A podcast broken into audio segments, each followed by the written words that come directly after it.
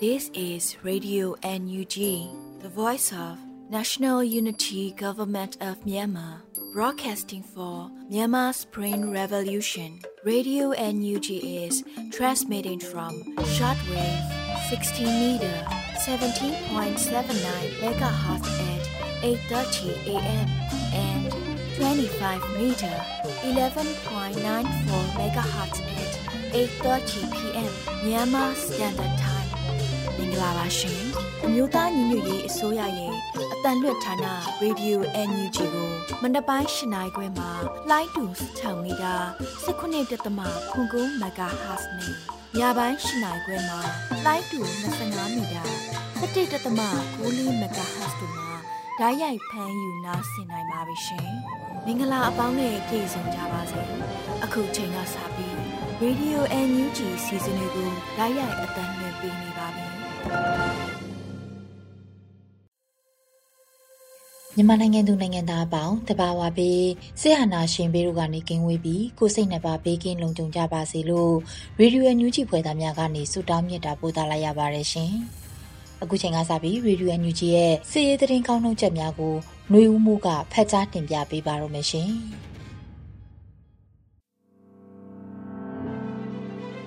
မင်္ဂလာပါခင်ဗျာအခုချိန်ကစပြီး 2024ခုနှစ်ဇန်နဝါရီလ23ရက်မနက်ခင်းမှာတင်ပြပေးမယ် Radio NUG စည်ရေးသတင်းများကိုဖတ်ကြားတင်ပြပေးသွားမှာဖြစ်ပါတယ်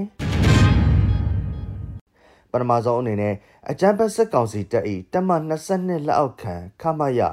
235တပ်ရင်အားရခိုင်တပ်တော်မှဖျက်တောက်တိုက်ခိုက်နိုင်ခဲ့ပြီးလေရင်ပေါ်မှချပေးသောထောက်ပို့ပစ္စည်းများအားလည်းရရှိခဲ့ဆိုတဲ့သတင်းကိုတင်ပြတော့ပါမယ်အကြံပတ်စစ်ကောင်စီတပ်၏တပ်မ22လက်အောက်ခံခမရ235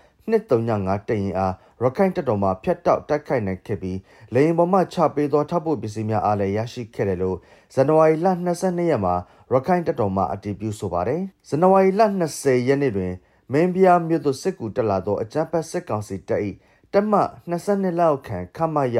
235တရင်အားရခိုင်တပ်တော်မှဖျက်တောက်တိုက်ခိုက်ချိန်မုံနိုင်ခဲ့ပြီးရန်သူအလောင်းများနဲ့လက်နက်ခဲယမ်းအချို့ကိုတင်ဆက်ရရှိခဲ့တယ်လို့အတည်ပြုဆိုပါတယ်။ ထို့ပြင်ရန်သူ၏ Y8 လေယာဉ်ပေါ်မှချပေးသောထောက်ပို့ပစ္စည်းများအားလည်းရခိုင်တပ်တော်မှတင်ပိုက်ရရှိခဲ့တယ်လို့သိရပါတယ်ခင်ဗျာအကြံပတ်စစ်တပ်ကတအောင်တပ်ဖွဲ့ရှိရာနေရာတွေကိုနှစ်ရက်ဆက်တိုက်ထိုးစစ်ဆင်တိုက်ခိုက်ဆိုတဲ့သတင်းကိုတင်ပြသွားပါမယ်အကြံပတ်စစ်ကောင်စီတပ်တွေဟာတအောင်တပ်ဖွဲ့ TNLA ရှိရာနေရာတွေကိုနှစ်ရက်ဆက်တိုက်ထိုးစစ်ဆင်တိုက်ခိုက်မှုတွေပြုလုပ်နေတယ်လို့ TNLA သတင်းနဲ့ပြန်ကြားရေးကထုတ်ပြန်ပါတယ်။ မိုးကုံမြို့နယ်ကတအောင်းပြည်နယ်တက်မဟာနှစ်စစ်ဒေသမှာရှိတဲ့တအောင်းတက်မတော် TNL ရှိရာမိုးကုံနယ်မိုးမိတ်ကြား6မိုင်နဲ့လွယ်စာကုန်းကျေးရွာအနီးတစ်ဝိုက်ကိုစစ်ကောင်စီတပ်ကဇန်နဝါရီလ22ရက်မွန်းလွဲတနာရီကျော်အချိန်မှာ Jet Fighter နဲ့တစ်ကြိမ် ATR 42ဖြစ်တစ်ကြိမ်ဘုံသီး10လုံးကျဲချတိုက်ခိုက်ခဲ့တယ်လို့ပြောပါတယ်ထို့အတူဇန်နဝါရီလ22ရက်နေ့ည8နာရီခန့်အချိန်မှာလဲစစ်ကောင်စီတပ်ဟာ မိုးကုန်းနဲ့မိုးမိတ်ကြားရှစ်မိုင်ကိုလာရောက်ထိုးစစ်ဆင်တိုက်ခတ်ခဲ့တာကြောင့်တိုက်ပွဲဖြစ်ခဲ့တယ်လို့အသိပေးထားပါတယ်။အဆိုပါတိုက်ပွဲမှာစစ်ကောင်စီတပ်ဘက်ကလက်နက်လေးလက်တင်ဆက်ရရှိခဲ့တယ်လို့သိရပါတယ်။ဇန်နဝါရီလ17ရက်နေ့တွင်အဖြစ်ခက်ရစရေးလက်မှတ်ထိုးခဲ့ပြီးနောက်ဇန်နဝါရီလ22ရက်နေ့အထိမိုးမိတ်ကြောက်မဲမိုးကုတ်နန့်ခမ်းလာရှိုးမြို့နယ်တို့ကိုထိုးစစ်ဆင်တိုက်ခိုက်လာခြင်းလက်နက်ကြီးနဲ့ လေကြောင်းတိုက်ခတ်မှုတွေပြုလုပ်နေတဲ့စစ်ကောင်စီလုပ်ရဟာအပြစ်ခက်ရစရေးလက်မှတ်ကိုအကြိမ်ကြိမ်ချိုးပေါက်ခြင်းဖြစ်တယ်လို့ TNLA သတင်းနဲ့ပြန်ကြားရေးကထုတ်ပြန်ထားပါတယ်ခင်ဗျာစလင်းကြီးမြို့နယ်အတွင်းအကြမ်းဖက်မှုများစွာပြုလုပ်နေသောအင်အား80ပါစစ်ကောင်စီစစ်ကြောင်းကိုသုံးမြို့နယ်အဆက်နားမှာကာကွယ်ရေးတပ်များတိုက်ခတ်၍စစ်ကောင်စီဘက်က18ဦးသေဆုံးဆိုတဲ့သတင်းကိုတင်ပြတော့ပါမယ်။ဇန်နဝါရီလ22ရက်မှာစီးရေးသတင်းကို ULF KI ပကဖတက်ခိုက်ရေးစစ်ကြောင်းကအတည်ပြုပါတယ်။စလင်းကြီးမြို့နယ်အတွင်းအကြမ်းဖက်မှုများစွာပြုလုပ်နေသောအင်အား80ပါစစ်ကောင်စီစစ်ကြောင်းနဲ့ဇန်နဝါရီလ22ရက်ပလဲရမပင်စလင်းကြီး၃မြို့နယ်အစနာလက်တောင်းငယ်ကြီးရွာနီးမှာတိုက်ပွဲကြာချိန်၄နာရီနီးပါးထိတွေ့တိုက်ပွဲဖြစ်ပွားခဲ့တယ်လို့ဆိုပါတယ်။တိုက်ပွဲကြာချိန်၄နာရီအတွင်းစစ်ကောင်စီဘက်ကအထိနာပြီး18ဦးသေဆုံးကြောင်းမျက်မြင်တွေ့ရှိခဲ့ကထိခိုက်သူများလည်းရှိတယ်လို့သိရပါတယ်။တိုက်ပွဲအတွင်း MA3 တက်လက် RPG အဖူး၄ဖူး60အဖူး၄ဖူး40မမဘုံတီ15လုံး 5.56G အတောက်2000ကျော်နဲ့ခဲရဲပစ္စည်းမျိုးစုံတင်စေရမိခဲ့ပါတယ်။ ULF ခရိုင်ပကခတက်ခတ်ရေးစစ်ကြောင်းမှရဲဘော်9ဦးလည်းအသက်အန္တရာယ်မစိုးရိမ်ရဒဏ်ရာရရှိခဲ့ပါတယ်။စစ်စရဲတွင် ULF ခရိုင်ပကခတက်ခတ်ရေးစစ်ကြောင်းနှင့်ဒေသခံ LPDF များတရင်တပ်ဖွဲ့များမှပါဝင်ကကြားဖြတ် ဝင်ရောက်တိုက်ခတ်ခဲ့တယ်လို့သိရပါတယ်ခင်ဗျာ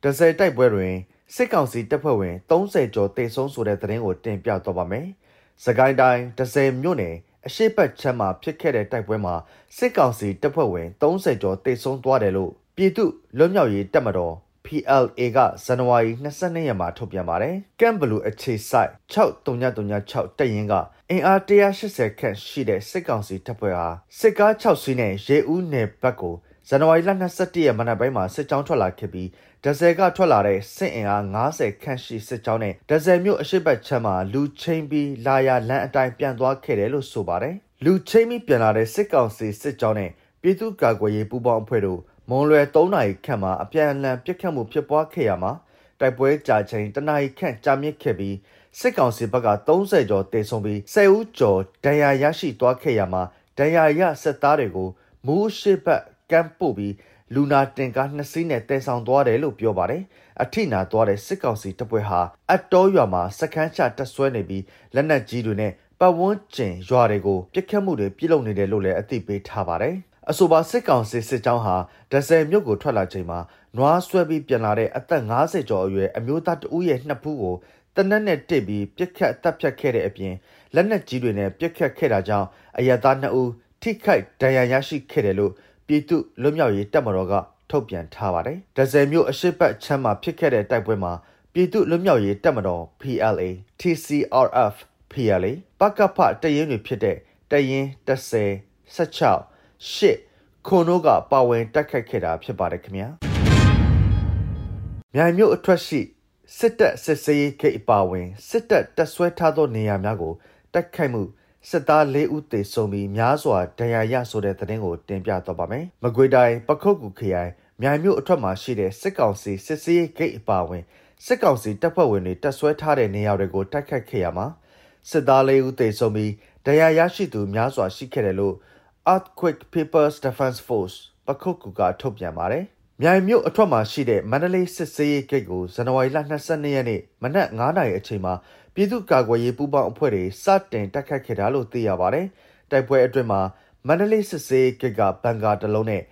ဂိတ်အနောက်ဘက်မှာရှိတဲ့တိုက်တလုံးကိုသိမ်းပိုက်နိုင်ခဲ့ပေမဲ့အကြမ်းဖက်စစ်ကောင်စီတပ်တွေနေရာယူထားတဲ့မြိုင်မြို့အမှတ်နှစ်စာတင်ကျောင်းကနေမန္တလေးဂိတ်စစ်ရေးနဲ့မဆိုင်တဲ့ကြီးရွာတွေဘက်ကိုလက်နက်ကြီးနဲ့အကြိမ်ပေါင်းများစွာပစ်ခတ်ခဲ့တာကြောင့် ပြည်သူ့ကာကွယ်ရေးအဖွဲ့တွေစုခွာပေးခဲ့တယ်လို့ဆိုပါတယ်။အဲဒီနောက်ပြည်သူ့ကာကွယ်ရေးပူးပေါင်းအဖွဲ့တွေဟာမြိုင်မြို့ထဲကစစ်ကောင်စီအဖွဲ့တွေတက်ဆွဲထားတဲ့ထွေအုပ်ယုံမြို့နယ်ရဲစခန်းလျှက်စစ်ယုံကိုးဆောင်ကြောင်းကိတ်စတဲ့နေရာတွေကို drone နဲ့ဘုံသီးအလုံး200ခန့်ကျဲချတက်ခတ်ခဲ့တယ်လို့ပြောပါတယ်။အဆိုပါစစ်စေးနှစ်ခုမှာစစ်ကောင်စီဘက်က၄ဦးသေဆုံးကဒဏ်ရာရသူတွေကိုဖောကားတစ်စီးနဲ့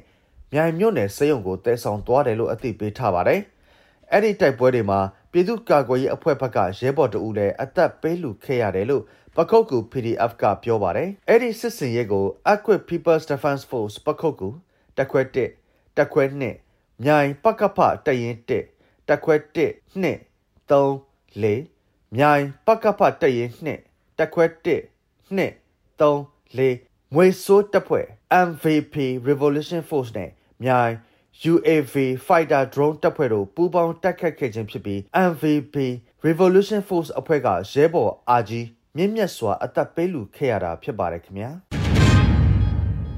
ခိုင်ကန်ရဲစခန်းအနီးကဒေသခံများဘေးကင်းရာနေရာရွှေ့ပြောင်းနေထိုင်ကြရင် CDF စီရင်အတိပေးဆိုတဲ့သတင်းကိုတင်ပြတော့ပါမယ်။ချင်းပြည်နယ်ကတိတိမ်မြို့နယ်မှာရှိတဲ့ခိုင်ကန်ရဲစခန်းအနီးကဒေသခံပြည်သူတွေ ဘေးကင်းရာနေရာကိုရွှေ့ပြောင်းနေထိုင်ပေးကြဖို့ချင်းကာကွယ်ရေးတပ်ဖွဲ့တစ်ခုဖြစ်တဲ့ CDF စီရင်ကဇန်နဝါရီ22ရက်နေ့ရက်စွဲနဲ့အသိပေးကြေညာလိုက်ပါတယ်။တိုင်းငင်းရဲစခန်းကိုတိမ့်ပိုက်နိုင်ခဲ့ပြီးတဲ့နောက်ကြန့်ရှိနေသေးတဲ့6မိုင်ကန်ခန်းရဲစခန်းကိုထပ်မံတိမ့်ပိုက်ဖို့ရှိနေတာကြောင့် CDF စီရင်ကအခုလိုအသိပေးကြေညာလိုက်တာလို့ဒေတာတွင်သတင်းတွေကိုဖော်ပြနေတဲ့ချင်းဝေါ်မှာဖော်ပြထားပါတယ်။ကန်ခန်းရဲစခန်းအနီးမှာနေထိုင်နေတဲ့သူတွေ ဘေးကင်းရနေရာရွှေ့ပြောင်းနေထိုင်ကြဖို့အသိပေးထားသလိုကန်ကန်ရဲစခန်းမှာရှိတဲ့စစ်ကောင်စီတပ်ဖွဲ့ဝင်တွေလည်းပြည်သူရင်ခွင်ကိုခုံလုံကြဖို့ CDF စီရင်ကအသိပေးထားပါတယ်။တိုင်းငင်းစစ်ကောင်စီစခန်းကိုဇန်နဝါရီလ16ရက်နေ့မှာချင်းကာကွယ်ရေးပူးပေါင်းတပ်ဖွဲ့တွေက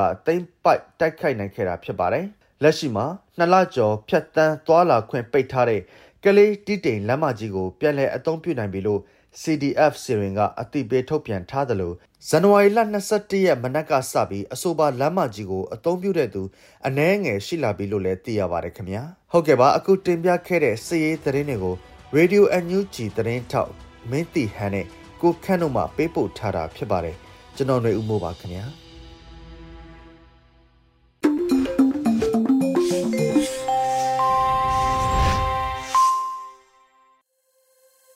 ရေဒီယိုညူချီရဲ့မနက်ခင်းစီစဉ်တွေကိုဆက်လက်တင်ပြနေပါတယ်။အခုဆက်လက်ပြီးနားဆင်ကြရမှာကတော့ပြည်တွင်းသတင်းများကိုနှွေဦးမိုင်ကဖတ်ကြားတင်ပြပေးပါတော့မယ်ရှင်။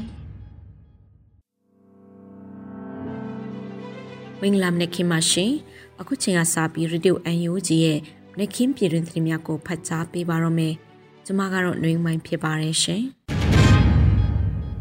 အင်အားကြီးနိုင်ငံများ မြမအရေးကိုတန်ခင်းတမန်ခင်းရကြကြလောင်လောင်ထုတ်ဖော်ပေးမှုများရှိရလို့နိုင်ငံချိုင်းဝင်ကြီးဒေါ်စင်မအောင်ပြောတဲ့သတင်းကိုပထမဆုံးတင်ပြပေးချင်ပါတယ်။အင်အားကြီးနိုင်ငံများမြမအရေးကိုတန်ခင်းတမန်ခင်းရကြကြလောင်လောင်ထုတ်ဖော်ပေးမှုများရှိရလို့ဇန်နဝါရီလအတွင်းအမေရိကန်နိုင်ငံဆန်ဖရန်ဘေးအေရီယာတွင်ကျင်းပသောလူထုတွေ့ဆုံပွဲတွင်နိုင်ငံချိုင်းဝင်ကြီးဒေါ်စင်မအောင်ကပြောပါတယ်။မြမအရေးမှာလည်းကျမတို့အင်မတန်မှမျှော်လင့်ရတဲ့ဒီမိုကရေစီနိုင်ငံကြီးတွေရှိပါတယ်။ အမေရိကန်ပြည်ထောင်စုလိုအပါဝင်အဆင့်အလားအဖြစ်ကြကြဲလောင်လောင်နဲ့တန်ခင်းတမန်ခင်းကိုထုတ်ဖော်ပေးနေကြလဲရှိပါတယ်လို့ဆိုပါတယ်။မြန်မာရေးတွင်အမေရိကန်ပြည်ထောင်စုသည်လည်းအရေးကြီးအင်အားကြီးတဲ့ကဲ့သို့အိန္ဒိချင်းနိုင်ငံများယက်တီချက်သည်လည်းအရေးကြီးပြီးအင်အားကြီးကြောင်းလက်ရှိမှာနေတော်လှန်ရပ်တန့်သွားခြင်းမရှိဘဲလူထုပါဝင်နေမှုကိုနိုင်ငံတကာမှစိတ်ဝင်စားမှုရှိနေကြောင်းနိုင်ငံချိုင်းဝင်ကြီးတော်စင်မအောင်ကထပ်လောင်းပြောပါရရှင်။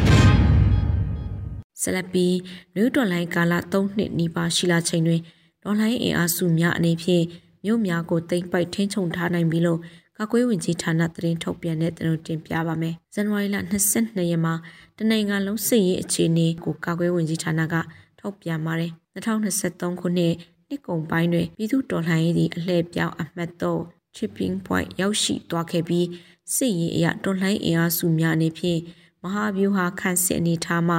မဟာဗျူဟာထိုးစစ်အနေထားသို့ပြောင်းလဲဆင်နွှဲနိုင်ခဲ့လို့ပေါ်ပြပါတယ်။အမျိုးသားရင်ငွေရေးအစိုးရပြည်သူ့ကာကွယ်တပ်မတော် PDF ပြည်သူ့ကာကွယ်ရေးအဖွဲ့ပကဖနဲ့တိုင်းသားတော်လှန်ရေးအဖွဲ့များဒေသခံတော်လှန်အဖွဲ့များကအကြမ်းဖက်စစ်တပ်ကိုနှစ်နှစ်ကြောကြာစစ်စင်တိုက်ခိုက်လက်ရှိပြီးမြို့သိမ်းစခန်းသိမ်းနေသိမ်းတိုက်ပွဲများကိုတချို့တောဒေသများတွင်ဆင်နွှဲလာနိုင်သလိုရန်ကုန်မန္တလေးကဲ့သို့သောမြို့ကြီးများတွင်လည်း မြို့တွင်စစ်စင်ပြင်းမှများကိုလိုအပ်သလိုရှေ့မြင့်တိုက်ခိုက်နိုင်လာတယ်လို့ဆိုပါတယ်ဒီဇင်ဘာလတလအတွင်းမိုင်းလုံမော်လူနန့်ဆန်နန့်ခမ်းမန်တုံနမတူမိုင်းငေါ့မြို့ခုနှစ်မြို့ကိုသိမ်းယူနိုင်ခဲ့ပြီးလူတော်လှန်ရေးကာလ3နှစ်နီးပါးရှိလာချိန်မှာတော်လှန်ရေးအင်အားစုများနေဖြင့်မကွေအင်းနိုးမဲဆက်ပန်ဆိုင်ချင်းရွှေဟော်ဖောင်းဆိုင်မုံကိုကောလင်း ခမ်ပတ်နမ်းမေခုံကွမ်းလုံရီခေါ်တာရွှေပြည်အေအင်ကျန်းယန်လိုင်လန်ပီကုန်းချန်းရေစွာဝေဘူးလဆူခွာနာရင်မိုင်းလုံမော်လူနတ်ဆန်နတ်ခမ်းမန်ကုံနမ်တူမိုင်းငေါမြို့26မြို့ကိုတင်ပိုက်ထိန်ချုပ်ထားနိုင်ခဲ့ပါတယ်။၎င်းတို့တွင်အမှတ်1စစ်ဒေသကွက်ကဲမှုဖြင့်မြေပြန့်ဒေသခရိုင်အဆင့်မြို့ဖြစ်သည့်ကောလင်းမြို့ကိုလည်းတိုက်ခိုက်သိမ်းပိုက်နိုင်ခဲ့ပြီးကုံသွေးကိမ်များနဲ့ပတ်သက်လင်းလဲ တရုတ်ပြည်သူ့သမ္မတနိုင်ငံအိန္ဒိယသမ္မတနိုင်ငံထိုင်းဘရင်နိုင်ငံတို့နဲ့ထိစပ်နေသည့်နေဆက်ကုံသွေးကိတ်များစုကိုတွန်လှန်အင်အားစုအသီးသီးကသိမ်းပိုက်ခြင်းစိုးမိုးခြင်းတို့လှုပ်ဆောင်နိုင်နေပြီဖြစ်တယ်လို့ဆိုပါရရှင်။ပြည်တော်စုဝင်ကြီးဒေါက်တာဝင်းမြတ်အေးနဲ့ဂျပန်နိုင်ငံတိုကျိုမြို့ရှိမြန်မာနိုင်ငံသားများတွေ့ဆုံပွဲကျင်းပတဲ့တဲ့ရင်ကိုနောက်ထပ်တင်ပြပါမယ်။အမျိုးသားရင်ငွေရေးအစိုးရ လူသားချင်းစာနာထောက်ထားတဲ့ဘင်းနေဆိုင်ရာစီမံခန့်ခွဲဝင်ကြီးဌာနပြည်တော်စုဝင်ကြီးဒေါက်တာဝင်းမြတ်အေးနဲ့ဂျပန်နိုင်ငံတိုကျိုမြို့ရှိမြန်မာနိုင်ငံသားများတွေ့ဆုံပွဲကို2024ခုနှစ်ဇန်နဝါရီလ22ရက်တနင်္ဂနွေနေ့ညနေပိုင်းတွင်ကျင်းပခဲ့လို့တင်ရရှိပါတယ်။ပြည်တော်စုဝင်ကြီးဒေါက်တာဝင်းမြတ်အေးမှမမြန်မာနိုင်ငံ၏ကတိအခြေအနေမှန်များနဲ့လက်ရှိဖြစ်ပေါ်တိုးတက်လက်ရှိသောဒေါ်လိုင်းဖြစ်စီများမြန်မာပြည်သူများကြုံတွေ့ခံစားနေရသော အခက်အခဲများရှင်းလင်းပြောကြားခဲ့ပါတယ်။ထို့နောက်အခမ်းအနားသို့တက်ရောက်လာကြသောပရိသတ်များဂျပန်လူမျိုးများမှမေးမြန်းသည့်မေးခွန်းတချို့အားလည်းပြန်လည်ဖြေကြားပေးခဲ့ပြီးနောက်မြန်မာနွေဦးတော်လှန်ရေးတွင်စိတ်အားထက်သန်စွာဖြင့်ပါဝင်ကူညီပေးနေကြသောတက်ရောက်လာကြသူများနဲ့စေတနာဝန်ထမ်းများအားရှင်းရှင်းနှီးနှီးလိုက်လံနှုတ်ဆက်ခဲ့ပါတယ်ရှင်။ကြိုက်ထိုခရိုင်ဘီလင်းမြို့နယ်တက်တူကုန်းရွာအားလက်နက်ကြီးများဖြင့်ပြစ်ခတ်တိုက်ခိုက်ခြင်းကြောင့် ပြည်သူလေးဦးသေဆုံးသည့်ဖြစ်စဉ်လူခွင့်ရေးဆိုင်ရာဝန်ကြီးဌာန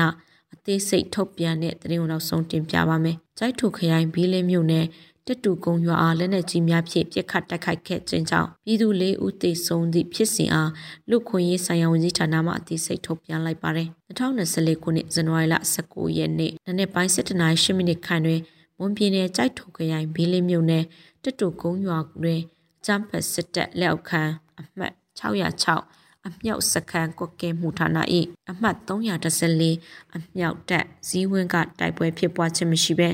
လက်နက်ကြီးဖြင့်နှစ်ကြိမ်တိုက်ခိုက်ခဲ့ပြီးထိုးထုတ်တိုက်ခိုက်မှုကြောင့်အပြစ်မဲ့ပြည်သူလေးဦးသေဆုံးကအသက်နှစ်နှစ်အရွယ်ကလေးငယ်တအုပ်ပါဝင်လေးဦးပြင်းထန်ဒဏ်ရာရရှိပြီးဒေသခံ2ဦးတို့ထိခိုက်ခဲ့ပါတယ်။အမှတ်310လေးအမြောက်တပ်မှအကြမ်းဖက်စစ်သားများသည့်တိုက်ပွဲဖြစ်ပွားခြင်းမရှိသည့်တက်တူခုံရွာသို့ပြစ်ခတ်တိုက်ခိုက်ခဲ့ခြင်းဖြစ်ပြီး ရဲသားပြည်သူများအားပြစ်မှတ်ထားတိုက်ခိုက်ခြင်းဖြစ်ကြောင်းထင်ရှားရလို့ဆိုပါတယ်။လူခွင့်ရေးဆိုင်ဝန်ကြီးဌာနနေဖြင့်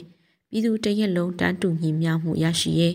ဂိမ်းချရေးနဲ့တရားမျှတမှုရရှိရေးတည်ဟူသောဥတီချက်များကိုခိုင်ခိုင်မာမာလက်ကင်ဆွဲထား၍အကြမ်းဖက်စစ်တပ်၏ကျူးလွန်မှုများကိုအပြစ်ပေးအရေးယူနိုင်ရေးအစွမ်းကုန်တာဝန်ယူဆောင်ရွက်သွားမယ်လို့ဆိုပါရရှင်။ခုတင်ပြခဲ့တဲ့သတင်းတွေကို Radio UNC သတင်းထောက်မင်းတီဟာနဲ့ကိုခန့်တို့ကပေးပို့ထားတာဖြစ်ပါတယ်ရှင်။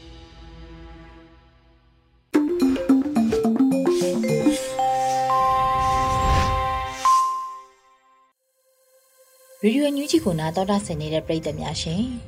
အခုဆက်လက်ပြီးနားဆင်ကြရမှာကတော့ကိုခန့်နဲ့မင်းစစ်သွေးတို့ကောက်နှုတ်စီစဉ်ထားတဲ့ပြည်ထောင်စုဝန်ကြီးဒေါ်စင်မအောင်နဲ့ဆန်ဖရန်စစ္စကိုဘေးအေရီးယားမှာရှိတဲ့မြန်မာတိုင်းရင်းသားများတွေ့ဆုံပွဲမှာပြောကြားချက်အားကောက်နှုတ်ဖော်ပြထားမှုကိုနားဆင်ကြရတော့မှာဖြစ်ပါတယ်ရှင်ဘာပဲပြောပြောရုံးကန်နေရတဲ့အနေထားညှော်လင်းချက်ရလို့ပြောမယ်ဆိုလို့ရှိရင်လည်းပဲကျွန်တော်တို့စိတ်ခေါ်မှုတွေများနေတဲ့ အနေထားတစ်ခုရှိတယ်ပေါ့နော်တော်လိုင်းကနောက်ထပ်အဆင့်တစ်ခုတက်ဖို့လို့စူးစမ်းနေရတဲ့အနေအထားမျိုးဖြစ်တယ်ဒါပေမဲ့လည်းအခုတစ်နှစ်အတွင်းမှာကျွန်တော်တို့မြင်တွေ့နေရတယ်နော်အဲ့ဒီအချိန်တုန်းကစီရေးနိုင်ငံရေးတန်တမာရေးဖြစ်ပေါ်တိုးတက်မှုတွေနဲ့သူသဖြင့်တော့တန်တမာရေးလို့ပြောလို့ရှိရင်လည်းပဲအခုလက်ရှိနိုင်ငံရေးအခြေအနေကအပြင်ကိုအားကိုးပြီးတော့လုပ်ရတာမဟုတ်ပါဘူးဟိုနိုင်ငံအသစ်တစ်ခုဝေးဖွားတယ်လို့မျိုးပဲပေါ့နော် ဆိုတော့ဘာအသစ်တစ်ခုဝေးဖွားတယ်လို့မျိုးပါပဲအခုတော်နိုင်ကဘာနဲ့တူလဲဆိုလို့ရှိရင်ကျက်ဥတောင်းမယ်ပေါ့တယ်လို့ပဲပေါ့နော်သူကအပြင်ကအားနဲ့ပေါ့ကိုကိုကိုဒီကိုဟန်နဲ့တကယ်ဒီ organically ပေါ့နော်ဖြစ်ပြီးတော့အောက်ထွက်ပြီးတော့မှဝေးဖွားယူရတာမျိုးဖြစ်တယ်ပေါ့နော်အဲ့ဒါနဲ့လည်းအလားတန်တူပါအတွင်းကနေပြီးတော့လာတဲ့အားနဲ့ပဲကျွန်တော်တို့နိုင်ငံတော်အသစ်တစ်ခုစနစ်အသစ်တစ်ခုကိုဝေးဖွားနေတာဖြစ်တဲ့အတွက်ကြောင့်မို့လို့ဒီတော်လှန်ရေးနဲ့ ဒီနိုင်ငံကြီးဆောက်ရရအကြမ်းမှစစ်မှန်တယ်လို့ပြောလို့ရတယ်။ဘာဖြစ်လို့လဲဆိုတော့ဒီနိုင်ငံတကာဖိအားကိုကျွန်တော်တို့ကခြံရံအနေနဲ့ပဲသုံးကြတာပေါ့နော်။အဲ့တော့ဟိုအကောင်းဆုံးဥပမာတစ်ခုပြောရတော့နောက်ဆုံးဟိုဒီ American ပြည်အောင်စုဆိုတော့ American ပြည်အောင်စုဥပမာနဲ့ပဲကျွန်တော်ပြောချင်ပါတယ်ပေါ့နော်။ဒီနိုင်ငံ State Department ကနေပြီးတော့ပြီးခဲ့တဲ့လပိုင်းတုန်းကဟို Terrorist Index မှာအားလုံးသိကြလိုက်မယ်။လွတ်လပ်တဲ့ဖွဲ့စည်းတစ်ခုရဲ့ research ကိုဆိုရင်ကျွန်တော်တို့အတွက်အင်ဂျင်မာနေတာကျွန်တော်တို့တော်လှန်ရေးအတွက် အထူးသဖြင့် PDF တွေပေါ့နော်အဲနောက်ပြီးတော့တော်လှန်ရေးအတွက် PDF တွေအတွက်လို့ပြောရင်ဒီ PDF နဲ့ဒီတော်လှန်ရေးကိုထောက်ခံဝန်းရံအားပေးနေတဲ့ဒီမြန်မာနိုင်ငံသူနိုင်ငံသားတွေကိုလည်းထိခိုက်တာလည်းဖြစ်တယ်ပေါ့ကျွန်တော်တို့ကခုနပြောတာနိုင်ငံတကာရဲ့ထောက်ခံမှု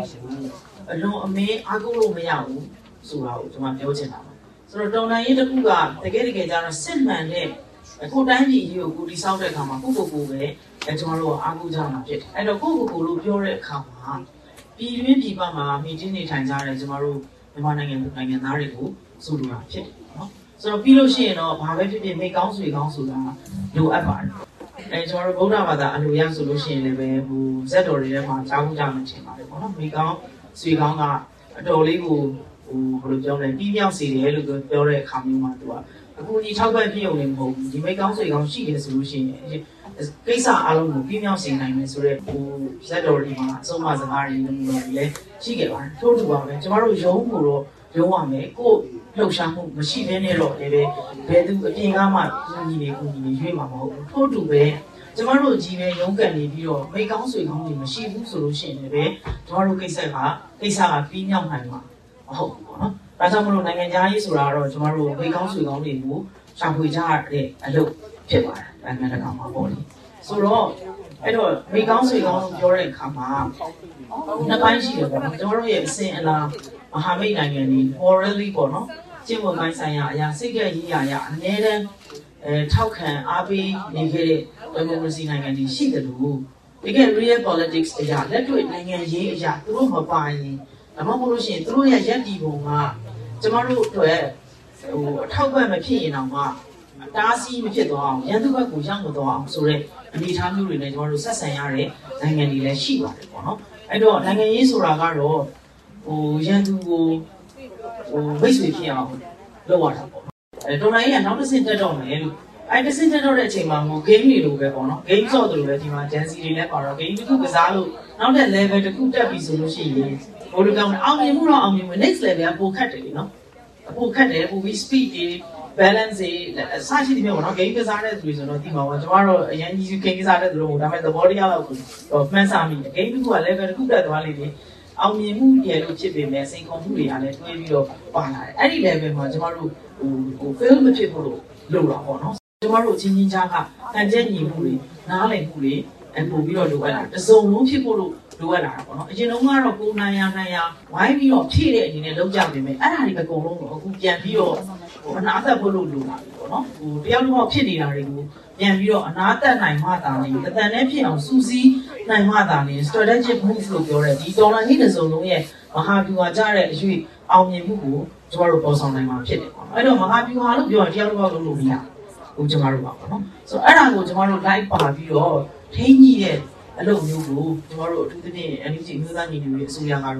လုပ်နေပါတယ်ဟန်ချက်ညီအောင်အတန်တူအောင်အဲနောက်ပြီးတော့လိုအပ်တဲ့ ဟိုဝင်းဆက်တွေအဟတွေဖြစ်နေတာတွေလိုက်ပြီးတော့ညှိတဲ့ထိန်းထိလုပ်တဲ့ကိစ္စလေးတွေကိုကျမတို့အဲလုပ်ပါတယ်လိုအပ်တဲ့အရင်တော့ကမပြောတဲ့အတရင်ချက်လက်ခလဲမှုမျိုးတွေကိုအခုအစ်စ်မှာတော့လုပ်ရတယ်ပေါ့နော်ပို့ပြီးတော့မလုပ်လို့လည်းမရဘူးမလုပ်လို့ရှိရင်အဲသူတို့မျိုးကိုလိုမျိုးဟိုတယောက်တော့ဖြစ်ဖြစ်နိုင်ကြီးရှိတယ်ပေါ့ဖြစ်လဲဖြစ်ခဲ့ကြပြီဒါပေမဲ့ဒီအချိန်တွေကအဲ့လိုဖြစ်လို့မရတော့ဘူးပေါ့နော်ကျွန်တော်နောက်ထပ် power level တစ်ခုပြည့်သွားတဲ့ခါကျတော့တကယ်ကိုဟို powerful ဖြစ်တဲ့ move တစ်ခုဖြစ်ဖို့လို့အပို့ပြီးတော့လိုအပ်လာတယ်ရန်သူကလည်းပဲအဲဟို fail ဖြစ်နေပြီဆိုပေမဲ့လည်းပဲသူကတော့လက်လျှော့သေးတာမဟုတ်ဘူးသူကရားတဲ့နီးနေတော့ဆိုလိုတာကပုံပုံပြင်းလို့ပေါ့နော်သူအမိပြတ်တယ်လို့သူများလည်းအမိပြအောင်လိုက်လို့ပဲအကွက်တွေတော့သူလုံးပါပဲပေါ့နော် community ထဲမှာတော့စုဖွဲ့တွေအများကြီးရှိကြနိုင်တယ်လို့ကျွန်တော်ယုံကြည်ပါတယ်เนาะကိုအုပ်စုလေးတွေနဲ့ကိုအလုပ်လုပ်ကြတယ်ပြီးတော့မှအဲ့ဒီအုပ်စုတွေကပြန်ပြီးတော့ voice တစ်ခုလည်းထွက်အောင်ညှိယူကြတဲ့ကိစ္စမျိုးဟာ regular ကိစ္စတော့မဟုတ်ဘူးလို့ ဒီမှာလည်းအတွေ့အကြုံရှိပြီးသားဖြစ်တော့သိကြပါလိမ့်မယ်အဲ့တော့အဲ့ဒီဒီ community ကိုပဲနည်းနည်းဟိုဖြန့်ကြည့်လိုက်ပေါ့ဒီမှာတိုင်းနှလုံးကြည့်လိုက်ဒီအနေထားကိုလည်းကျွန်တော်တို့ဆောင်ရွက်နေကြတာဖြစ်တော့ဟိုတစ်ခါတစ်ခါမှာလုံလောက်တဲ့ consultation မလုပ်နိုင်လို့ရှိရင်လည်းပဲကျွန်တော်တို့လူကြီးမှုပေးကြပါလို့ကျွန်တော်ဒီမှာမြစ်တာရက်ခံရတယ်ဒီ data တွေခီးချင်းမှာဆိုလို့ရှိရင်ခုန Innovation Championship မှာတော့ပုံစံတစ်မျိုးပေါ့နော်အခုတော့ Lao Championship မှာဆိုလို့ရှိရင်ကျွန်တော်တို့အင်ဂျင်နီယာချင်းချိုင်းပါမယ် အဲနောက်ပြီးတော့တရုတ်ရဲ့အခန်းကဏ္ဍကလည်းဘယ်လိုပဲဖြစ်ဖြစ်အရေးကြီးလာတယ်ဒီအချိန်ဒီမှာနိုင်ငံရေးကအမျှော်မြင်ရှိတဲ့သဘောထားကြီးမှုတွေကပို့ပြီးတော့လိုအပ်လာပါတယ်လို့ကျွန်တော်ပြောချင်ပါတယ်အဲ့တော့ကျမတို့တွေလည်းပဲကိုမဟာမိတ်တိုင်းသားတွေနဲ့ယုံကြည်မှုတည်ဆောက်တဲ့နေရာမှာ trust level ကိုမြင့်နိုင်သမျှမြင့်အောင်ကြိုးစားဆောင်ရွက်နေတယ်လက်တွေ့ကျတဲ့နေပေဒီမှာပူပေါင်းဆောင်ရွက်ပြီးတော့ပေါ့နော်ဆိုတော့နောက်ပြီးတော့အခါအားလျော်ဆိုတာလည်းပဲကျမတို့ပြည်သူလူထုကိုသတင်းစာရှင်းလင်းပွဲတွေကနေပြီးတော့ပဲတဆင့် အမှန်မို့လို့ရှိရင်လည်း joint statement တွေပေါ့နော်ထွက်လာဖို့လည်းကျမတို့ကြိုးစားဆောင်ရွက်နေတာရှိတယ်ဒီလိုမျိုး politically common ground ရထားတဲ့ joint statement တွေထုတ်ပြန်ခြင်းအပြင်လည်းပဲပြည်သူလူထုကိုတည်ပေးသွားဖို့လို့ကျမတို့ဆောင်ရွက်သွားပါမယ်အဲ့တော့ကြည်ပေးနိုင်တာကတော့အဲကျမတို့တွေစစ်ကောင်စီကနောက်တစ်ဆင့်အနေနဲ့သူတို့ရထွက်ပေါက်ကိုရှာတဲ့အနေနဲ့ပေါ့လေဒီလက်ခွက်တွေလာပါလိမ့်မယ်အခုဖေဖော်ဝါရီလတရက်နေ့ဟောပေါ့နော်ဟိုဟိုလူပဲပြောင်းပြီးမူပြောင်းတာမျိုးမဟုတ်ဘဲနဲ့နိုင်ငံတကာကို ညက်လက်ပြမယ်အဖွဲ့ဒီကိုဟိုလုံးကလည်းလုပ်ခဲ့ပြီးတော့ဟိုလုံးကဦးသိန်းစိန်အစိုးရတက်တယ်ဆိုပြီးတော့တော့မှကျွန်တော်တို့တော့ကြီးတယ်သွားပြီးလူတန်းကြီးပြန်ပြီးတော့တိုးခွေသေးတာအခုလိုအခြေအနေမျိုးမှာဆိုလို့ပို့ပြီးတော့လုပ်ပါလိမ့်မယ်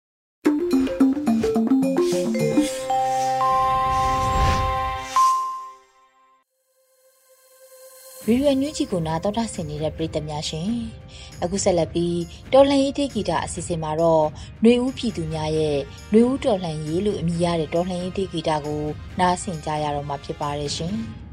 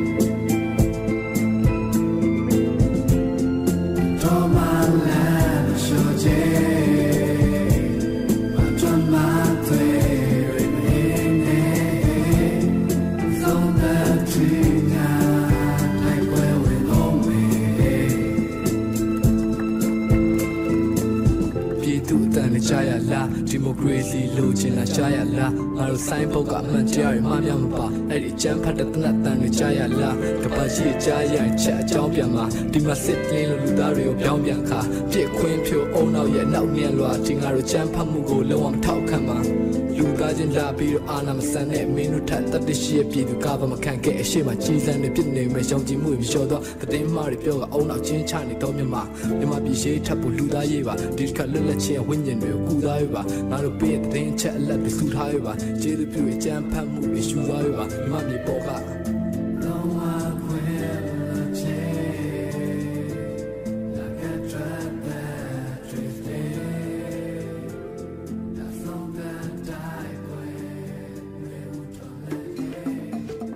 ကနေ့ကတော့ဒီညနေပဲ Radio NUG ရဲ့အစီအစဉ်လေးကိုခေတ္တရ延လိုက်ပါမယ်ရှင်မြန်မာစံတော်ချိန်မနေ့၈နိုင်ခွဲနဲ့ည၈နိုင်ခွဲအချိန်တွေမှာပြောင်းလဲဆိုပြကြပါလို့ရှင် Radio NUG ကိုမနေ့ပိုင်း၈နိုင်ခွဲမှာ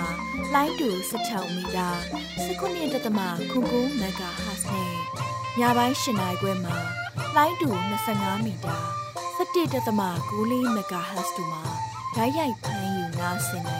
်ပါပြီရှင် မြန်မာနိုင်ငံသူနိုင်ငံသားများကိုစိတ်နှဖျားစမ်းမချမ်းသာလို့ဘေးကင်းလုံခြုံကြပါစေလို့ Radio NUG ရဲ့ဖွဲ့သူဖွဲ့သားများကဆုတောင်းလိုက်ရပါတယ်။ San Francisco Bay Area အခြေစိုက်မြန်မာမိသားစုများနဲ့နိုင်ငံတကာကစေတနာရှင်များလိုအားပေးများရဲ့ Radio NUG ဖြစ်ပါတယ်ရှင်။အရေးတော်ပုံအောင်ရမည်။